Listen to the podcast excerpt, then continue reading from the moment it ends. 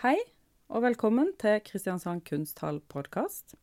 Mitt navn er Miriam Christensen, og i studio har jeg med meg som vanlig Cecilie Nissen, leder av Kunsthallen. Hei. Hei. Og i dag er gjestene våre Søssa Jørgensen og Geir Tore Holm. Velkommen. Takk. Takk. Og dere er jo her fordi det akkurat nå står en utstilling i Kunsthallen som heter 'En kopp gir tid tilbake', som åpna 17.9. og skal stå til 27.11. Og da pleier jeg alltid å spørre Cecilie først. Ehm, kanskje ikke akkurat 'hvorfor har du lagd denne utstillinga', men hva er bakgrunnen for at ehm, Søssa og Geir er her nå? Mm. Jo, eh, jeg kan godt si hvorfor. Ja, Altså, du pleier det å kan du spørre også. om det. Ja. Men altså, eh, Kristiansand kunsthall er ti år i år. Og eh, siden 2012 så har vi jobba med en sånn sterk lokal forankring. Og grunnen til at vi begynte med det, var det å få eh, byen, eller publikum, eh, regionen, fylket, altså publikum rundt her, til å begynne å bli interessert i Kristiansand kunsthall igjen. Fordi at i 1995, da Sørlandets kunstmuseum ble opprettet, så fikk det veldig fokus. Og da ble det som den gang var Kristiansand kunstforening, litt glemt. Og så, sånn at Da jeg tok over, så var jeg opptatt av å få tilbake publikum. Og så vet man jo det at, eh, at uh, hvis man stiller ut lokale kunstnere, så kommer det mye mer folk enn hvis man ikke gjør det. Men det er jo litt sånn begrenset hvor mange lokale kunstnere man kan stille ut det? hele tiden. Sånn at, uh, så jeg begynte å tenke litt sånn at, eh, at jeg hadde lyst til at det skulle ha en sånn lokal forankring på en eller annen måte, men at det kunne Mm. løftes opp til noe mer allment. Og så Det første vi gjorde, var å invitere Jan Freuchen og, og Sigurd Henningen til å lage åpningsutstillingen da, som het Game of Life. Og den tok for seg Kristiansand og Kvadraturen. Eh, og så ble det kombinert med rutemønsteret i modernismen. Og så jobbet vi med tre utstillinger til med dem. Og så i 2020, da eh, var det jo kommunesammenslåing og regionreform som eh, som man var engasjert i. Og da Mhm. kuraterte vi tre utstillinger som handlet om det. Eh, og så, eh, etter at det var ferdig, så var det litt sånn OK, hva gjør vi nå? og så leste jeg en eh, artikkel i Fedrelandsvennen om at det var et eh, For da tenkte jeg at nå må vi bevege oss litt utover her. Mm. Og da leste jeg en artikkel i Fedrelandsvennen om at det hadde vært et eh, en, eh, Hvor det var flere familier fra eh, samiske familier som flyttet med reinflokkene sine til Setesdalsheiene på 1800-tallet. Ja. Og det var et par artikler av det som jeg leste som jeg syntes var interessant. Og så tenkte jeg at det har jeg litt lyst til å gjøre noe med, og finne ut av mer hva det var. Og da eh, tenkte jeg på Geir Tore, da. Eh, med en gang, egentlig, og tok kontakt med deg. Og så kom vi fram til det at, eh, at vi ville lage en utstilling med søssa Geir Tore. En retrospektiv, eller kikke tilbake på de 30 årene som de har jobbet sammen, og så lage et nytt verk. I tillegg til det, da. Mm. Så det var jo eh, sånn dette her kom i gang. Men eh, hvorfor tenkte du på å ta kontakt med Fordi- Geir Tore for når du jeg vet hva han har jobba Ja. med, og både som kunstner og, og kurator og på mange måter. Og Søssa, jeg vet jo at de to har jobba med, med, altså, ja, med prosjekter som kunne ja, Jeg så for meg at de var riktige, da, til å få til dette her. Var dere det- riktige ja. folk til å ta? Og det var det òg, for det har blitt skikkelig bra. Og eh, Mm. jeg er eh, kjempefornøyd med det arbeidet dere har gjort. Både med det retrospektive arbeidet og det nye. Og det har Mm. blitt superfint. Og det har vært masse folk som har sett utstillingen, og vi har fått veldig mye gode tilbakemeldinger. Både fra publikum og fra kritikere og andre. Så det er eh, Men, men er det en gøy forespørsel å få? Hei, kom og lag noe om samer i Setesdalen. Eller Ja, det, det var jo en utfordring, fordi vi er ikke så kjent på Sørlandet. Og ingen av oss hadde satt våre ben i Setesdalen noen gang. Nei, sant? mhm. Så det tenkte vi at det måtte vi jo prøve. Mhm. Og hva slags um, forutsetninger hadde dere for å gå inn i det her materialet, da? En ting er jo det Cecilie begynte å snakke om, at vi uh, har jobbet intenst med å ta steder inn i vår kunstpraksis. Mm. Men en annen ting som jeg tipper hun tenkte på, er jo Geirs samiske bakgrunn. Sånn at da var det jo på en måte det samiske og stedet. Mm. Ja. Så god kombinasjon, altså. Ja. Mm. Jeg tenker også at det er noe som passer, siden du spør om det, om det var en bra om det passer bra, men det er også noe med feelingen av uh, Kristiansand kunsthall som jeg tror den appellerte til oss. også. Det, det er på flere plan. ikke sant? Kanskje noe av det som blir nevnt her angående en lokal orientering, eh, situering i byen, og ikke, ikke bare rett fysisk også, at det er en del av et uh, kulturhus, altså med biblioteket nede og kunsthallen oppe. Men også kanskje rett og slett at uh, det er noe som snakker gjennom så å si arkitekturen, altså. Det er et eller annet det er kanskje, ikke, kanskje et litt dårlig begrep, men funky. Det er et eller annet Mm. kanskje, som, kanskje som svinger der tilbake fra 70-tallet. Ja. Og da er det klart at kanskje vår, også, vår praksis også passer litt, fordi at vi har vel også røtter Vår praksis har også røtter fra 60-70-tallet, i og med at vi jobber såpass ja, stedsorientert, sosialt. Jobber med relasjoner, historie, ja, fortellinger, møter. og det handler rett og slett mye om folk. Det bruker jeg ofte å si når vi blir spurt hva er det vi jobber med. Vi jobber veldig mye med folk. Og det er helt klart et poeng, fordi at eh, vi har jo altså for det, Da kommer vi jo inn på en annen del av det vi jobber med i kunsthallen. At vi har dette samarbeidet med kunsthall og bibliotek og folk og bøker og historier. Og prøver å åpne opp. Og prøver å åpne opp, ikke Mm. sant. Sånn at det er jo den sosiale delen også som kommer inn her, ikke sant. Altså dels, sånn som du også var inne på, selvfølgelig også Geir Tore samiske bakgrunn og måten dere har jobbet på, men også på flere plan, da. Ikke bare ja, eh, stedene, men også kanskje dette her med folk. Mm. Ja. Men uh, vi må kanskje si noe om hva det er som møter publikum da når de kommer inn i kunsthallen. Og vi snakker veldig ofte om rommene i kunsthallen, fordi at det er noen For de som ikke har vært der, så kan vi si at det er noen ganske spesielle utstillingsrom. Veldig store, luftige. God utsikt ut mot uh, torvet i Kristiansand. Ja, Og det ligger jo i fjerde etasje. Altså det er jo ikke heller så vanlig at uh, galleriet ligger oppe i etasjene. De er jo gjerne på bakkeplan, eller i hvert fall første og andre etasje. Mm. Så jo da, det er jo eh, Og rommer mye. Ja. Noe vi kan si denne utstillinga også rommer ganske mye. Går det an å sammenfatte forholdsvis kort hva vi møter? Det er um, Det er jo en praksis som er spredd over 30 år. Mm. For vi begynte å samarbeide i 1993, mener jeg. To? 1992. ja, selvfølgelig. Godt å få det Ja, nei, ordentlig. det er jo 2022 nå, så da blir det jo 30 år. Da Mm. stemmer det jo akkurat. Så sånn sett så Ja, så det er på en måte et, um, et grunnriss, da. Og så, og så har vi prøvd å dele inn de 600 kvadratmeterne i forhold til de bolkene. Men det glir litt over i hverandre. Så Men vi starter med noe som vi har jobbet med de siste årene i den første salen.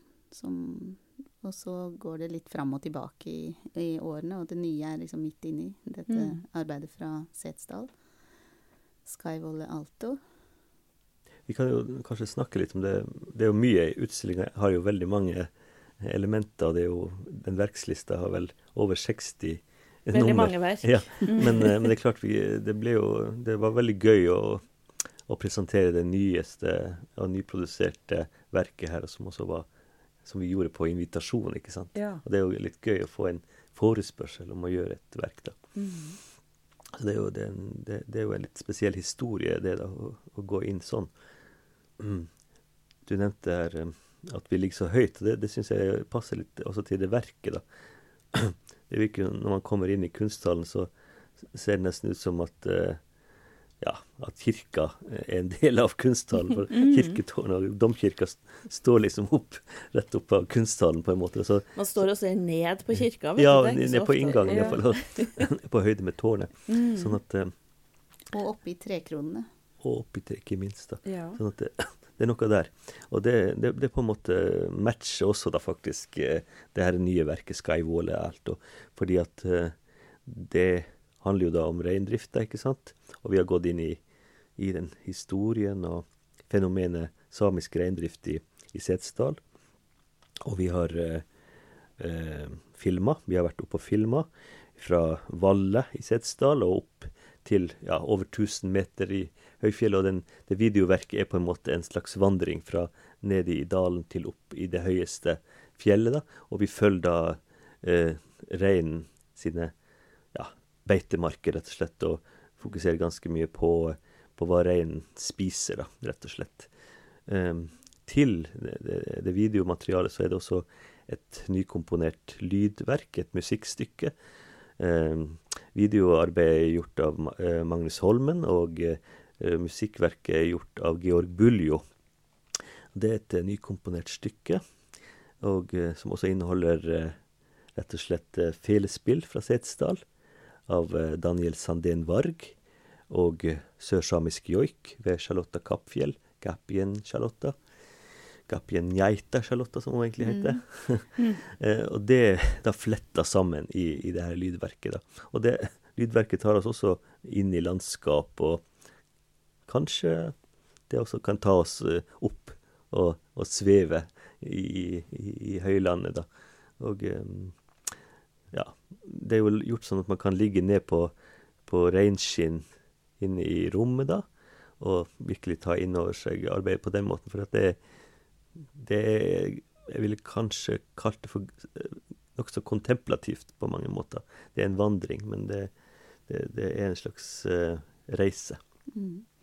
Og en del av den reisen er jo at vi på et tidspunkt fant ut at vi ville følge den Njaita-slekta. Og det var en familie som kom til Setesdal på 1890-tallet. Og de hadde gått eh, med en svær reinflokk. Det sies at det var 4000 reinsdyr som de gikk med. Eh, fra eh, Ternaby, altså det er nesten oppe ved Mo i Rana. Og, og, hele veien hit til Setesdal. Eller til Setesdal, da. Wow. Og de brukte mange år på det. Mm. Og de var nok en ganske driftig familie. Veldig flinke reingjetere, men også gode eh, til å selge kjøtt. Og, og, hadde virkelig Ja, de hadde virkelig liksom tak på reindrifta, da. De var også flotte damer. Ja, Vi fikk jo en liten, eh, en liten eh, Hva skal man si En liten eh, smak på det i, når vi leste noe fra Hulda Garborg sine dagbøker, da, hvor den her reinflokken og familien, Njaita-familien, da, og særlig Njaita-døtrene, hadde vært oppe ved uh, i, i, Østerdalen, da, oppe ved Savalen, og de hadde vært inne for å kjøpe kjøtt, da, steik, da. Hulda og Arne Garborg. Og Hulda sa, han skrev det at de skulle nok ikke tilbake dit. For han, eh, Arne ble litt vel betatt av de her Njaita-døtrene. Såpass, ja. Så gøy å finne sånne spor, da. Ja, det var et veldig morsomt mm. spor. Og, men det er beskrevet, altså disse det, Etter hvert så var det jo eh, mor og døtrene som, som dreiv flokken helt fram til Setesdal. Mens eh, far ble sjuk og måtte reise på andre måter, da. Så han, han kom til Setesdal før det, men han døde ganske raskt. Så det var liksom veldig sånne grepa damer, da, som, som fiksa det her. Og det, var, det, er jo de kvinnene som møter Setesdalssamfunnet med rein. Mm, på den tida, ja. Mm. Men hvordan eh, For da vi eh, hadde Da jeg inviterte dere, så snakket vi jo aldri egentlig om at det skulle Hva slags verk det skulle bli. Det var bare Ja, at eh, noe. Hvordan kom dere fram til at dere skulle bruke joik og slått? Ja, det har jo kanskje Altså, jo, joiken er jo til stede i vår hverdag på en eller annen mm. måte. Altså, vi er jo veldig um, opptatt av samisk musikk, og Geir passer jo på å få, få den samiske musikken inn i huset. Og, men vi er jo også opptatt av uh, musikk generelt og, og folkemusikk, så vi hadde jo hørt han Daniel Sandén Varg på radioen. Og da vi reiste oppover i Setesdal, så hadde vi en avtale der på på det Hva heter det Folkemusikkarkivet i Rysta. På Rysta. Og da traff vi jo han Daniel, da. Og det var, et veldig, det var veldig gøy å komme på museet der, og, for da plutselig så var det veldig mange sånne viktige folk som drev på med Setesdalskulturen til stede der. Så Ja. vi følte jo at vi bare snublet oppi liksom en helt sånn uh, uh, Sånne folk som vi virkelig uh, trengte for å komme inn i materi materialet. Det var, eh, det var han Kjell Bytustøyl som har skrevet en bok om reindrifta i Setesdal. Og virkelig snudd hver stein. Altså, han, han veit veldig mye. Og så, var det jo Daniel Sandén Varg, da. Og så var det Annbjørg Lien. Og Harald Branko Knutsen. ja. Mm. Og vi snakka også med museumsdirektøren der. og Det er klart at det, det, det, var, det var veldig flott. og det, ble, det var et tilfeldig møte, egentlig. Så dere hadde ikke avtalt Nei, vi hadde at ikke dere skulle avtalt. treffe alle Nei, ikke her alle sammen? disse her. De bare en- henger ja, rundt ja, og på Rista, tilfeldigvis. liksom, klar til å Tilfeldigvis, og alle var så opptatt av det som vi var opptatt av. For vi, vi hadde jo en idé om at musikken kunne være et sted hvor vi kunne finne kultur, kulturmøter, rett og slett. Og det er jo en erfaring vi har fra andre, andre sammenhenger, at det, musikken både kan fungere som et møtested, men altså man finner på en måte rester og spor. og og, og musikk er sånn sett fantastisk, for den vandrer på sine egne måter, på sine egne premisser. På, rett og slett på musikkens premisser, og musikantene sine premisser, og joikerne og folkemusikerne sine, sine premisser. da. Og det er jo veldig lite fysiske objekter igjen, på en måte, Mm. Fra reindrifta. Det finnes vel en sånn eh, En del av eh, seltøyet til en rein fins i samlingen. Mm. Det er det, Synes liksom. jeg. Ja. Nei, men, men ja. Ja, de Det er jo, sikkert noe mer òg, men da, og de har et annet fokus ikke sant, Mm. eh, i museet der oppe på. Ja. Setesdalsmuseet, For det er jo Setesdal er jo så Setesdal er jo så rik på, på kulturmateriale, ikke sant. Både gjennom folkedraktene og husene og sølvet og musikken og folkene og stevinga og ja, alt kan man finne der. Så det samiske er selvfølgelig ja, Det blir en parentes, Det blir liksom, for det var ikke så og- mange Ja. mennesker det er snakk om, kanskje, som har Nei, og du kan jo si at det var jo en, en liten periode da, med sterk samisk eh, tilstedeværelse. Kanskje 100 år eller noe sånt? Eller noen Mm. generasjoner? Ja, noen ja, generasjoner. cirka, altså det ble helt slutt i 1979, men, ja men. Mm. det betyr jo ikke at alle samer forsvant. Nei. Det er jo sånn når mennesker møtes, så, så møtes de, og så blir de jo kanskje etterkommere og så videre. Så, så vi spora jo opp noen folk òg, med, med samisk bakgrunn.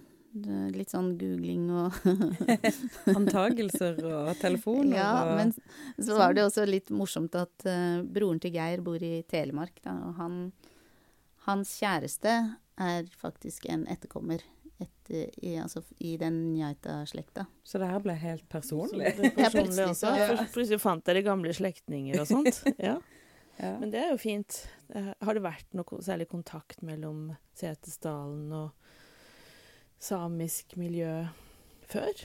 ja, altså Så nå er jo dere har jo jobba med sør, det sørsamiske, da, men det er Mm. vel Ja. Ja, nei, det, altså det, det er jo kontakter, og vi, vi, vi vet jo at eh, mange er opptatt av det. Men det har vel også vært sånn at mange har på en måte eh, Det har, latt, det har gått i glemmeboka, på en måte. Og, og en del av de etterkommerne, annet en av etterkommerne av de, av de Njaita-damene, eh, har jo valgt å ikke trekke fram det samiske, da.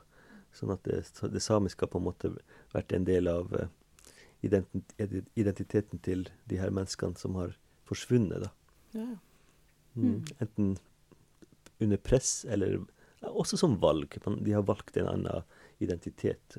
Kanskje fordi at det samiske ikke har hatt uh, høy status, ikke sant. Så. Og det er jo noe vi har vært klar over eh, Altså, Geir har jo samisk bakgrunn, men første gang jeg kom hjem til dem på 90-tallet, så, så er noe av det første faren din sier til meg, er jeg er like norsk eller like god nordmann som du. Og så, så blir jeg litt i stuss, liksom, hva er det han egentlig mener, da?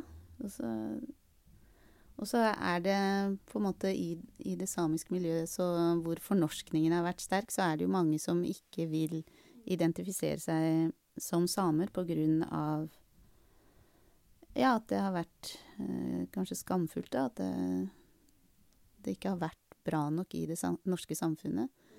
Sånn at eh, Og det har jo selvfølgelig også vært en del av det som har foregått i Setesdalen også. Og den skammen er veldig sterk. Derfor har det jo vært flott å trekke fram det samiske gjennom landskapet og gjennom reinen sine beitemarker, og, og ja, rett og slett eh, den naturtilknytninga som samisk kultur jo, jo representerer. da. Og selvfølgelig gjennom, gjennom, musikken. At musikken kan på en måte være overskridende og ta oss inn i et annet landskap hvor man kan på en måte legge til sides mange ting som, som er tunge å bære på. Sånn at musikken på en måte rett og slett uh, virker forløsende og ja, tar oss et, ja, mange steg videre. Kanskje mange vingeslag videre, egentlig. Mm. For Det som jeg syns har vært interessant også, er jo det der at man lærer noe nytt. da. For jeg var jo ikke klar over at det hadde vært samisk eh, reindrift så langt sør. Eh, og det er jo andre steder òg. Telemark har det vært. Altså det har jo vært Ja, altså mm, Mye mer utbredt da, enn det man kanskje var klar over. Eh, I hvert fall som jeg er opplært til. Så ja, så får man kanskje en annen tilnærming til den delen av historien gjennom et kunstverk Absolutt. enn gjennom jeg vet ikke, en artikkel i et, eh, en akademisk uh, tilnærming eller en ja. Nei, jeg syns det er det som har vært så fint med dette her. For den, den artikkelen jeg leste, var en liten artikkel i FVN. Altså det var veldig lite dokumentasjon. Så jeg var jo litt sånn spent da på Finner de noe? Eller Ja. Øh, og det har jo blitt øh, veldig, veldig fint. Og den øh, urframføringen av det verket på, på, åpningen var jo helt fantastisk. Altså det er jo noe av det flotteste jeg har hørt av musikk i, i kunsthallen, i hvert fall. Sånn at det ja.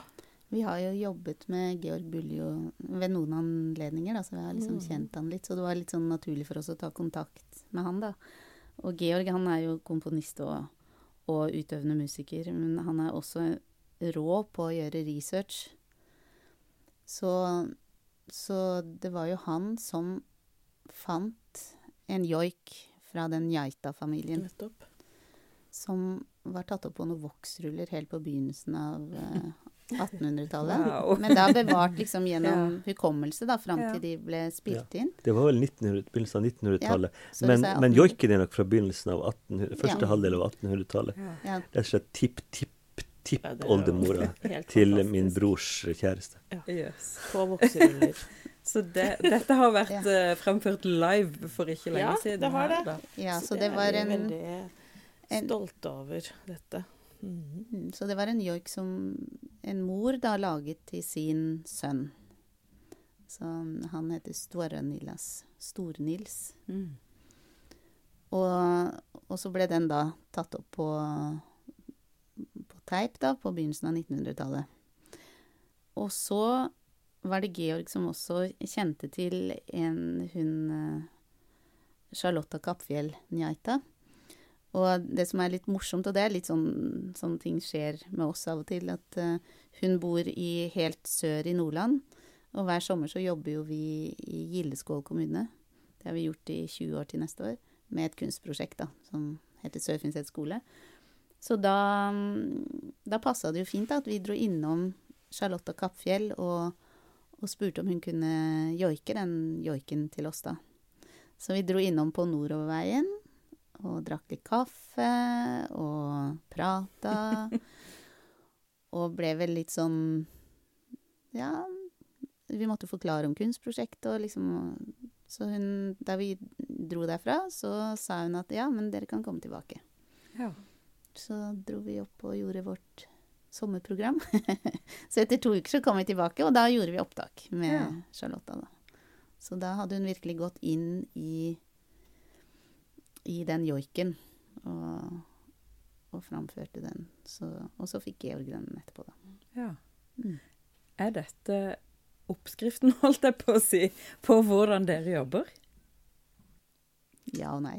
Er dette metoden? Ja, for vi må snakke om de andre prosjektene også. Ja. For det er jo tre store arbeider.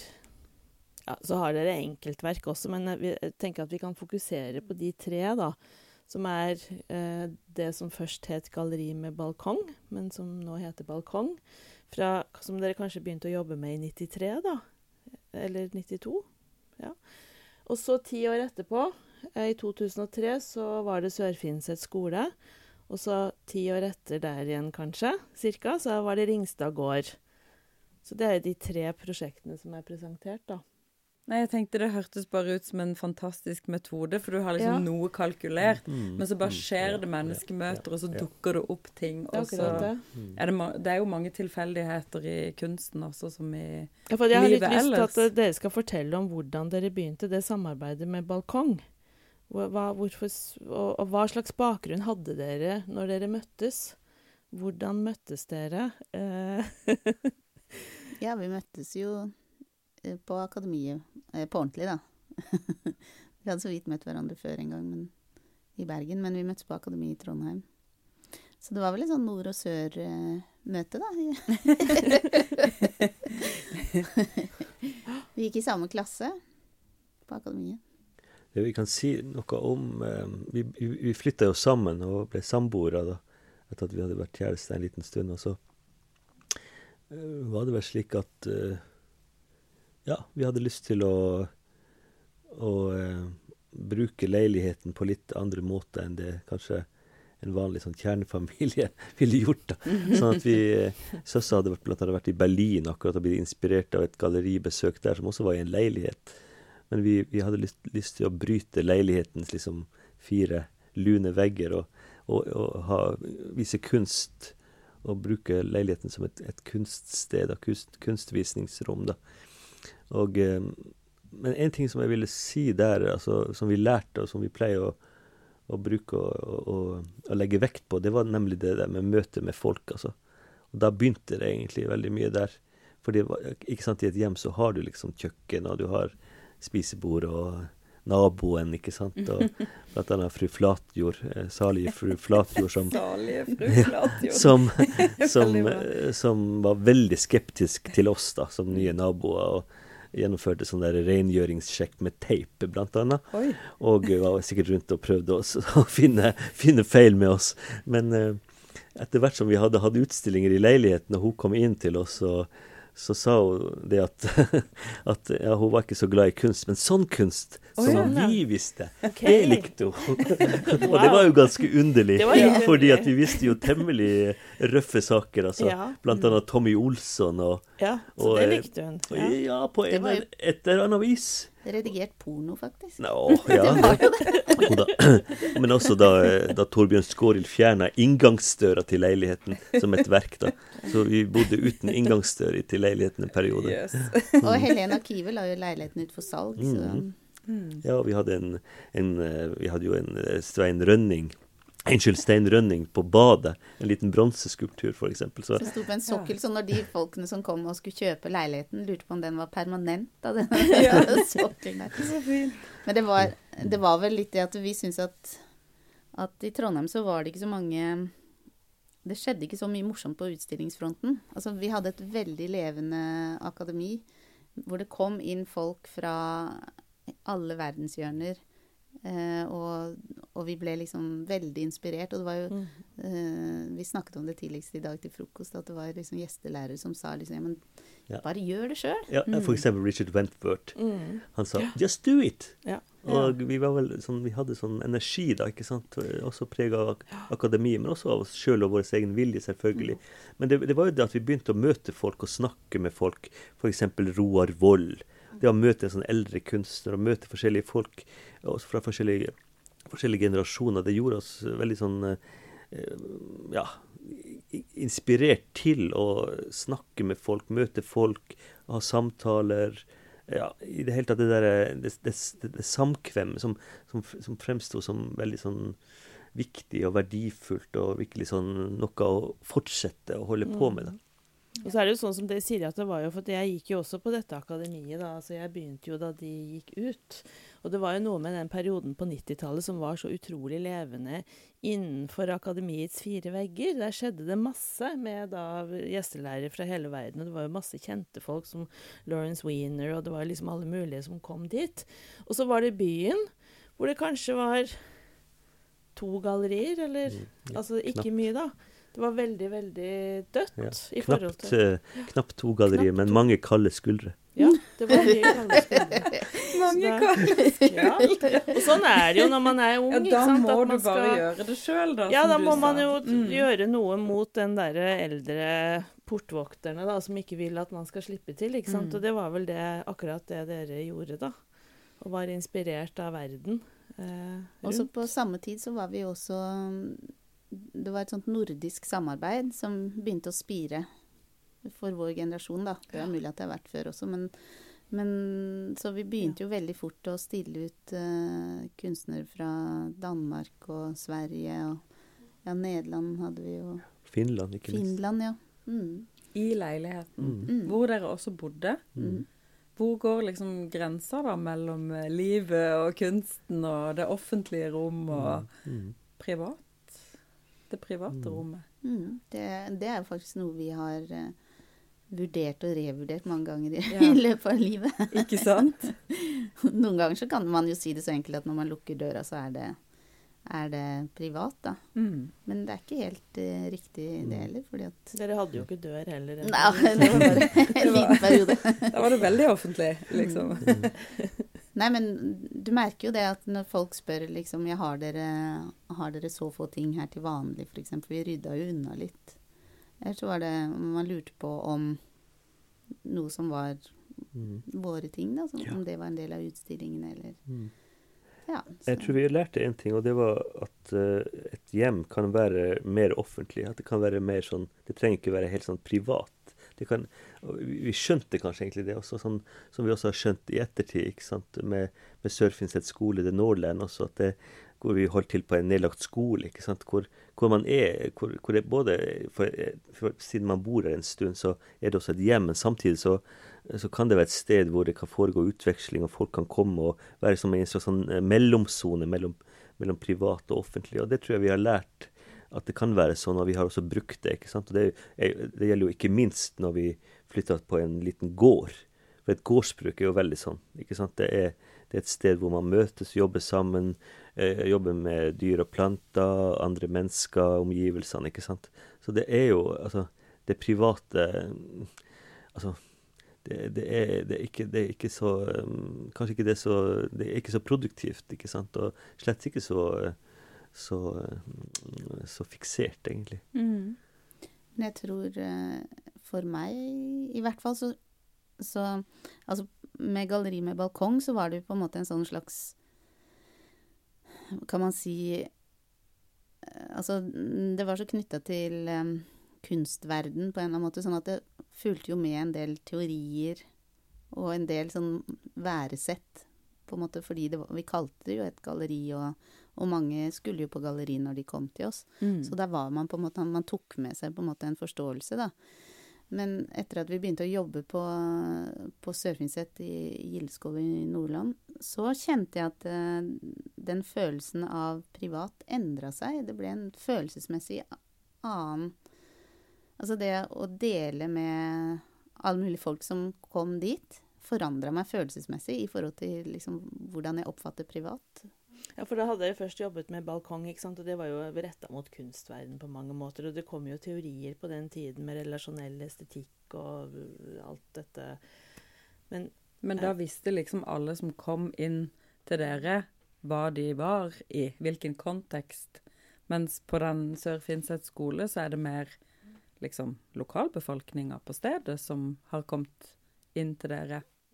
Mm, men, ja, altså vi har jo på en måte jobbet veldig sånn i nær mm, kontakt med bygda der. Men også eh, Det har også kommet veldig mange besøkende som har kommet mer på, som kunstnere eller andre interesserte, da. Så det har vært en sånn god blanding. Mm. Eh, men det er, jo, det er jo stort sett de samme eh, Altså, de som kommer, er jo er forskjellige folk hele tiden, mens de fra bygda er jo på en måte folk som vi kjenner godt etter hvert. Mm. Men altså, det, vi, i, i, på Sørfinset så har vi også iallfall til tider unngått å bruke kunst som et sånt fortegn. Mm. Slik at vi, vi har gått inn på andre måter. ikke sant? Vi har hatt kafé, f.eks. kurs og turer, sopp, soppkontroll og Altså brukt andre liksom, det, At andre ting har kommet først. Og det tror jeg har vært veldig nyttig, da, for at eh, da kan man, eh, man møtes på en litt lettere måte uten å ha det kunstfilteret som, som kommer først. da. Det kan skremme unna folk Ja, litt også. Ja, og bare kompl komplisere ting, egentlig.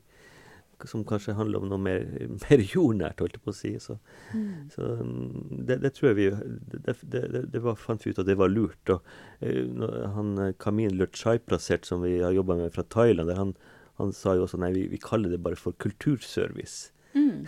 kulturservice. Culture service. Men er det da på en måte dokumentasjonen av disse prosjektene da som på en som, som blir kunst, eller hvor Mm, mm. Ja, Nei. du skjønner nei, hva jeg Nei.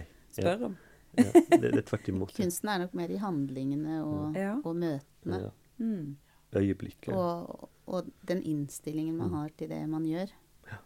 Men altså det å lage ting. Ja. Og bygge. Ja, for dere har jo bygget Dere bygget jo et thai eh, Et hus, faktisk, mm. som fins fortsatt, og som brukes. Og dere har bygd en båt. Mm. Eller reparert en. båt. Eller reparert en båt. Det første og- vi gjorde, var jo å bygge en samisk gamme. da. En, eh, en buegamme, en bjeljeguati, sammen med eh, Dwaji, samisk håndverksmester eh, Jon Ola Andersen. Så vi begynte jo med det da, først. For vi, vi fikk lov til å operere og, og være i et og Vi fikk jo tilgang til skolen, og vi fikk også lov til å holde på å bygge i et, eh, et kommunalt område hvor det allerede var et kunstverk fra før, Den glemte staden av Jan Hofstrøm, en del av Skulpturlandskap, eh, Nordland. Så der, eh, der begynte vi da med å bygge en gamme. og Det var jo veldig, Kamin var jo også veldig på det at vi burde bygge en gamme først. og Det fungerte jo også som et fint sted å være. Samles i, i regnvær f.eks. og sitte rundt bålet og spise. og før vi begynte å bygge det thaihuset, for det var et, eh, noe de så for seg, Tiravania og Kamin Lurchai plassert, at vi, de ville se et sånt nordthailandsk hus ved det her Kjellingvatnet der oppe i Nordland. og det står nå der nå. Ja. Og Gammen også. Mm. Men sånn som når vi um, bygde Gammen, så, så arrangerer vi da et kurs i gammebygging. Og den gangen så skjer, Ting skjer litt sånn forskjellig fra gang til gang, men da annonserte vi i lokalavisa etter folk som hadde lyst til å lære seg å bygge gamme. Og, og en av grunnene til at vi gjorde det, er jo også at det fins jo en samisk historie i Gildeskål også, men den er, er litt eh, er på en måte litt Ligger i historien. Det er liksom Ja, det samiske er litt tilbaketrukket, da, eller veldig tilbaketrukket nå. Sånn at det var jo også en måte å, å, å sette samiske spørsmål på agendaen med å gjøre Altså gjøre en sånn det, Å bygge en gamme, da. Sånn at man på en måte lærte om samisk byggeskikk gjennom å gjøre det. Og så er jo den da vært åpen for allmenn bruk. Mm, Og da har det vært skoleklasser der, og, og vi har også hvert år en sånn markering av årsdagen for Gammen, og da pleier vi også å invitere til forelesninger eller noe som skjer, da. Eh, musikk og mat, og, og på en måte fokusere på det samiske i praksis. Så det var liksom Det er liksom hvordan man kontekstualiserer det man holder på med, da. ja. Mm. Men eh, det ligger en del i forberedelsen til disse prosjektene, da. Ja. Det er, det er jo noen tanker og noen, en del planlegging. Altså det er jo, vi er jo opptatt av planlegging og ha planer og program. Og så har vi jo prøvd å skaffe penger da, til å gjennomføre ting. Og, men selvfølgelig masse er gjort på dugnad, og vi jobber jo som Vi tar jo ikke oss betalt for å, å jobbe der i Nordland. Da. Mange andre er jo med som ja, det man kan kalle for frivillig, og gir sin skjerv. Og folk kommer også med, med gaver, f.eks. kjøtt og fisk og, og sånne ting. Og, Mm. Og kunnskap, selvfølgelig. Mm. Ja, det handler jo veldig mye om å dele kunnskap, rett og slett. Og i utstillinga her så ser vi jo også masse en hel vegg bare med sånne plakater fulle av ting som skjer. Og eh, film fra en sånn slags lokal-TV, filmer av matlaging, og fortell litt om, om det dokumentasjonsarbeidet, da.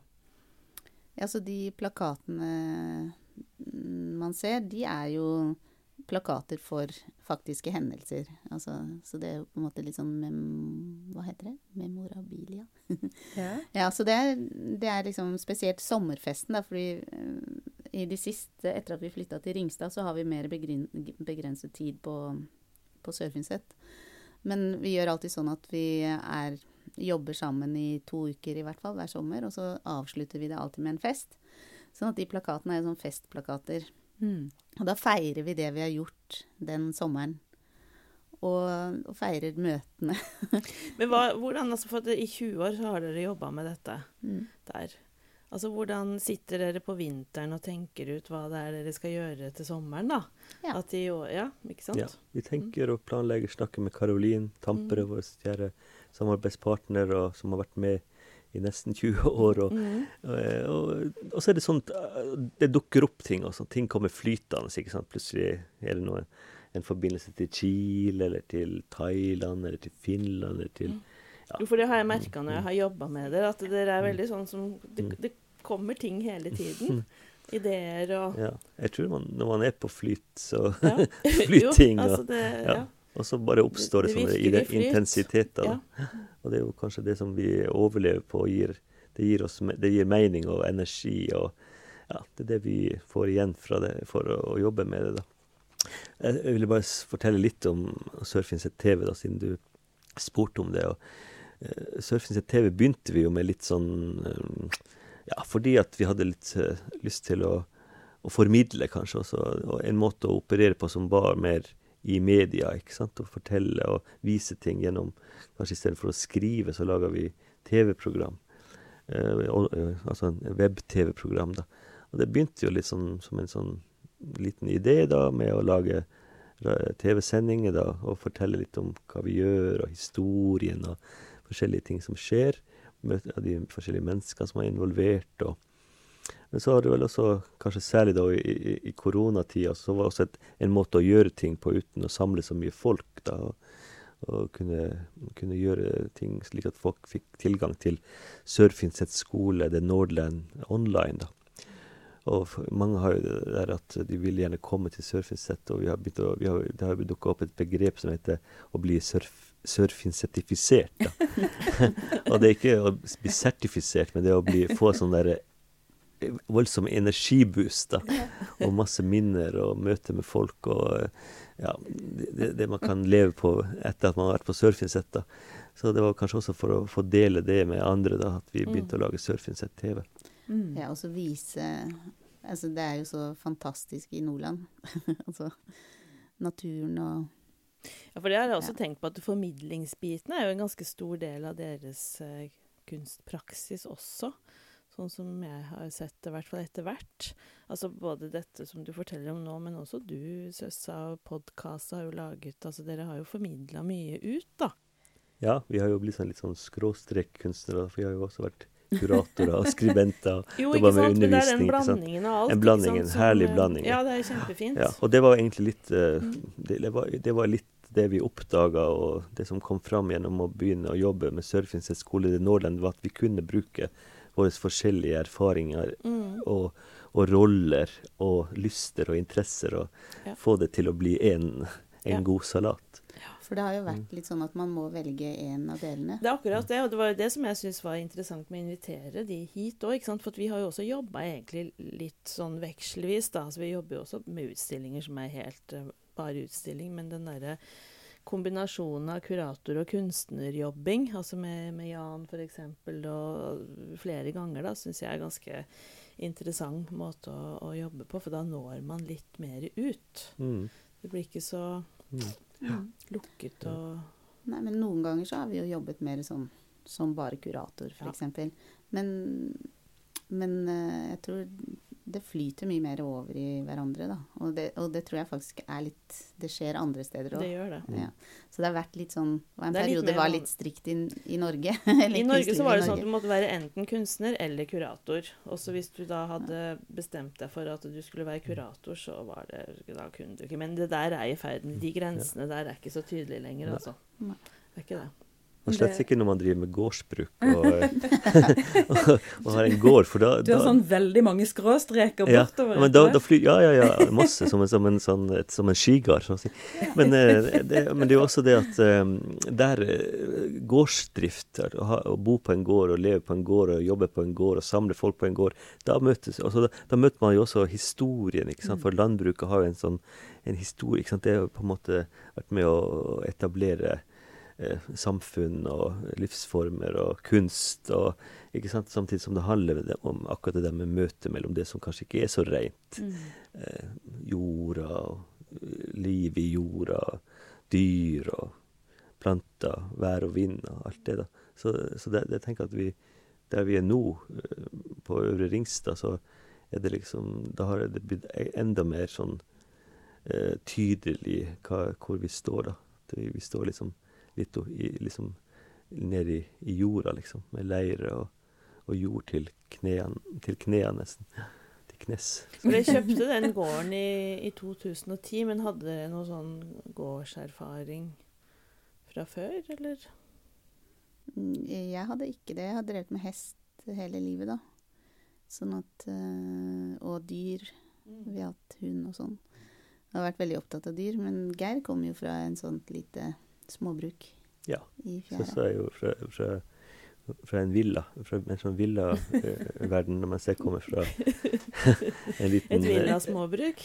Ja, ja det, det er ikke Nei, nei, det var det er ikke små. noe Men jeg kommer fra et småbruk da, med, i, ved sjøen, da, i, ved Kåfjorden, Kaivåtna, der oppe i Nord-Troms, hvor vi- vi hadde også sauer, og hvor det handla om å dyrke og ja, fiske og ja, være der i, i det som naturen hadde å gi, har å gi. Jeg vokste opp i Østre Bærum i en, i en sånn Lokvatne-villa. Ja, ikke sant? Ja, så jeg ønska jo alltid at eh, Jeg sa alt, ville alltid at vi skulle flytte på gård. Ja. Kan vi ikke flytte på gård? Uh, så, ja. Men eh, så kan jeg få hest når, hvis vi flytter på gård. Ja da, selvfølgelig. Ja. Vi skulle jo ikke flytte på noe gård. Nei, Men, men det var det- drømmen om hesten, da. Ja, jeg har vært ve veldig opptatt av hest. Mm. Mm. Men, Men- så, ja. Ja, Ja, men jeg bare skal bare si det så, men så det å jobbe med Sørfinset eh, skole, The Nordland, og være oppe i Nord-Norge og, og jobbe mer sånn naturbruksorientert, gjorde jo at vi fikk en drivkraft til å ønske å bo annerledes enn i en leilighet ved, ved Carl Berners plass i Oslo. Og da begynte vi å se etter en gård. da. Mm. Og gjennom noen års leiting så, så fant vi fram til et gårdsbruk, og det, det var på en måte det, det ene drev det andre. Så man kan godt si at det gallerivirksomheten i, i, i leilighet i Trondheim og Oslo førte oss til en nedlagt skole i Nordland, som igjen da førte oss til en gård i Indre Østfold. Og der har vi jo også liksom Da skjedde jo nye ting, ikke sant. Der traff vi jo bønder der i bygda, da. Og spesielt en bonde som heter Tor Jakob Solberg. Og, og han syntes at bare Å, det høres så spennende ut med kunst, liksom. Kan vi ikke samarbeide? Vi bare sånn Ja, kanskje vi skal gjøre det? Ja. Ja, så Det har vært lett å få til kontakt med lokalbefolkningen? At det har ikke vært sånn skepsis til at det kommer dere her og skal litt, kanskje? Jeg, jeg tenker uh, Det var jo ganske eh, raskt etter at vi flytta dit, hvor vi gjorde det eh, samarbeidsprosjektet med Bondelaget i Skiptvet. Og da fikk vi jo fort vist på en måte litt hva, hva vi står for, da, som kunstnere. I, I det samarbeidet med bøndene. Vi har invitert kunstnere til å være artist in residence på åtte gårder i, i bygda. Og så utvikle verk i samarbeid med bøndene. Og så ble det en utstilling på Galleriet 15, da. Men det ble på en måte en veldig sånn Det ble sånn Hele bygda var med på det. Altså det bor Jeg tror det er 3800 mennesker i Skiptvet. Og, og det var liksom snakk om Det var ikke snakk om hvem som hadde vært på utstillinga, men det var hvem som ikke hadde vært der. For de fleste hadde jo vært der. Og Mhm. flere ganger skolebusser, og ordføreren var der fire ganger. Og, og så, så kunsten på en måte tok bare sånn Mhm. Tok oss med inn i bygda. For da har dere egentlig da tatt kunsten ut av gallerirommet og hjem, men så inn i gallerirommet igjen, da. Gjør dere jo også. Sånn som på E15 og her. Altså den kommer tilbake igjen, og så så at det da liksom Ja. Veksler dere ut og inn av Mhm. Det er en stadig pulsering, kan man si. Det går Mhm. ut og inn og frem og tilbake, opp og ned og ja, Ja. øst og vest og nord og sør. Men dere blir aldri lei av folk, da? Eller av mennesker? Eller å jobbe sånn uh, i, i tett tilknytning til eh, Mm. Andre historier enn de man sitter med sjøl, da? Ja, man kan jo bli litt lei av og til, men, eh, men det gjelder liksom å se humoren i det, da. Ja. Jeg holdt på å si, Man kan ikke bli lei årets gang. Det er som årstiden. ikke sant? Det, er ja. liksom- det, vek, det veksler litt. Og, Mm. Fra intense tider til mindre intense tider, fra forskjellige vær og forskjellige lysforhold. Og så, sånn er det jo. Men hvordan eh, ser en arbeidsdag ut, da? Når dere våkner om morgenen? Hva, når er det Når blir det kunst? Ja, det er et godt spørsmål. Etter frokost, kanskje. Etter frokost. Må ha en kopp kaffe først. Ja. Jeg liker godt å begynne med en gang med en kopp kaffe og, og egentlig bare være rett på i kunsten. Altså, jeg husker de, de gangene jeg har våkna opp i et atelier, f.eks. Det, det, er- en god følelse. Jeg, jeg liker bare å være i, i det hele tida. Det er liksom ikke noe sånn begynnelse og slutt, sånn sett. Og så er det gjerne en sånn en diskusjon som går litt sånn Mm. Kanskje ikke sånn i timevis, men som kommer og går liksom i løpet av dagen. Og, og så er det veldig forskjellig fra periode til periode. Da. Nå har vi en veldig sånn arbeidsintensiv periode med den utstillingen her, og lager katalog, og er engasjert i mm, et, eh, noe som heter Paviljong våtmark, som er sånn fokus på våtmarka rundt Østensjøvannet i Oslo som vi avslutta nå i helga, men det fortsetter kanskje. Og så skal vi til Østerrike og stille ut om en ukes tid. Og, ja, så det er, men det er ikke alltid det er sånn som det. Men akkurat Mhm. nå er det sånn, da. Men da er det jo liksom Da bare jobber vi, da.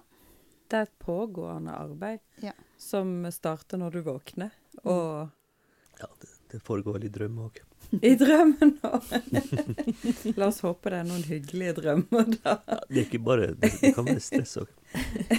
Deadlines og Ja. Ja, vi er ikke så glad i, i stress, da. Det ja, er vi ikke. Men uh, Kanskje derav livet på landet. mm. Ja, det er mulig. Mm. Det hjelper mye å bo på landet og Ja. stå opp og kunne se ut, liksom gå ut på trappa, liksom være i, i det landskapet, Da. det hjelper veldig. Og dyr hjelper. Hunden vår, som vi har nå, Mirja, Mm. er en gledesspreder. Og katten, selvfølgelig. Akita Kuro. Og selvfølgelig alle hestene som søsser. Hvor mange dyr har dere? Vi har sju, sju dyr ja, nå, for tida. Hester og hunder og katter, da. Mm. Mm. Så vi har ingen egentlig Ja, ja, katten og hunden er jo litt sånn nyttig, og hesten er jo nyttig på sin måte. Men litt på sin vis. Vi har hatt høns og en kalkun, men nå driver jeg og Mm. bygger om fjøset. Men det tar litt tid, siden det er mye som skjer i kunstsammenheng. Mm. Så sånn er det litt, da. At eh, da må gården vente litt. Mm. Og ja. Men samtidig så er vi jo Jeg har jo av og til ungdommer som hjelper oss og sånn, så i år har vi hatt ganske bra med grønnsaker og frukt og bær og En ting som hjelper veldig mye, er å ha folk på besøk. da. ja. og kom, som kommer på for å være hos oss litt og spise og overnatte og være sammen. Mm. Måltider altså, rundt bordet er jo veldig Mm. De er veldig viktige, da. Og da er det jo ekstra gøy å by på noe som vokser Mm. på gården, da. Mm. Det er jo så fantastisk ja. på høsten. Det smakene og Ja, så gode råvarer. Alt det Ja. fisken og det Mm. kjøttet vi får tak i. Og, ja. Øl og vin og Mm. Ja, og dere blir værende på den gården, eller kan det plutselig dukke opp et nytt prosjekt? Og så Jeg et føler nytt at det, sted, eller? ja, Jeg føler at jeg har funnet det stedet jeg vil bo. ja, Mm. Det er veldig, den gården betyr veldig Ja. mye for meg. ja, vi tenker sånn. Det er resten av livet, det. Ja. Så lenge vi Mm. kan bo der og Så lenge vi klarer å komme oss inn opp trappa. Mm, mm. Håper det, i hvert fall. Men Mm. eh, det kan jo dukke opp andre prosjekter, selv om vi bor på Ringstad, da. Mm. Men vi har jo lovet at vi skal mm, eh, drive Sør-Finnset skole i uendelig tid. Uendelig, Ja, for alltid. Ja, for alltid. For alltid. Ja. Ja. Mm. Ja. sånn at da er vi Det er også godt å tenke sånn Mm. uendelighetsperspektiv. Det er jo sånn som et gårdsbruk også. Det er jo der for alltid. Mm. Det er bare et stykke jord med noen bygninger som kanskje kommer og går, og folk som kommer og går, og dyr Mm. og alt som kommer og går. Så det, det, det gir jo en, en, en ro. Så om 100 år så er det noen kunstnere som uh, plukker opp tråden fra deres uh, praksis og Det kan være. viser et uh, videoverk av Mm. Eller kanskje? Vi vet vel ikke. Vi vet ikke. Det er jo fint også å ikke vite. Mm. Da tror jeg vi sier takk til dere, Geir Tore og søster, og Cecilie. Ja. Og så utstillingen, den står jo da til siste helg i november. Og da kommer det også til å skje en del ting. Så da håper vi at lytterne følger med på nettsidene til Kristiansand kunsthall. Så blir det lagt ut et program der om hva som skal skje den helgen. Takk Tusen For takk for at dere kom. Takk for at dere vil lage podkast med oss. Takk.